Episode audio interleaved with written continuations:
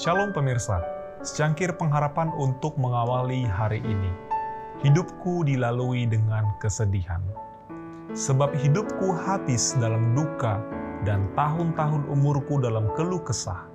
Kekuatanku merosot karena sengsaraku dan tulang-tulangku menjadi lemah.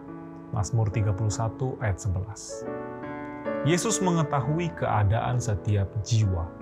Lebih besar kesalahan orang berdosa itu, lebih banyak dia membutuhkan juru selamat.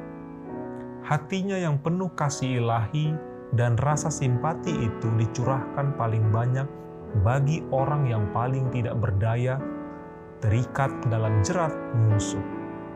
Dengan darahnya sendiri, ia telah menandatangani berkas-berkas persamaan hak dari kaum itu.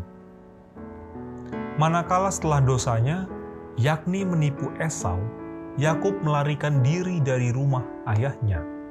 Dia dibebani satu perasaan bersalah.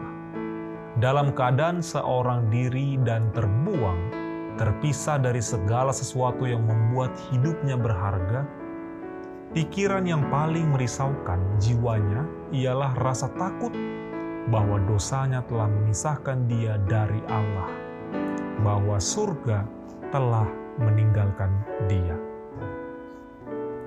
Dalam keadaan duka cita yang dalam, dia membaringkan tubuhnya beristirahat sebentar di atas tanah. Di sekitarnya terdapat hanyalah perbukitan sepi, dan di atasnya bintang-bintang menyinari langit. Ketika dia tertidur lelap, seberkas cahaya terpancar dalam penglihatannya. Dan lihatlah, dari lembah tempat dia berbaring, ada jenjang tangga yang menuju ke langit hingga ke pintu gerbang surga.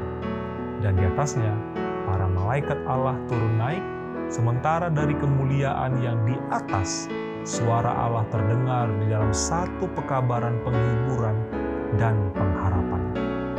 Demikianlah dinyatakan kepada Yakub pemenuhan kebutuhan dan kerinduan jiwanya, kerinduan terhadap seorang juru selamat.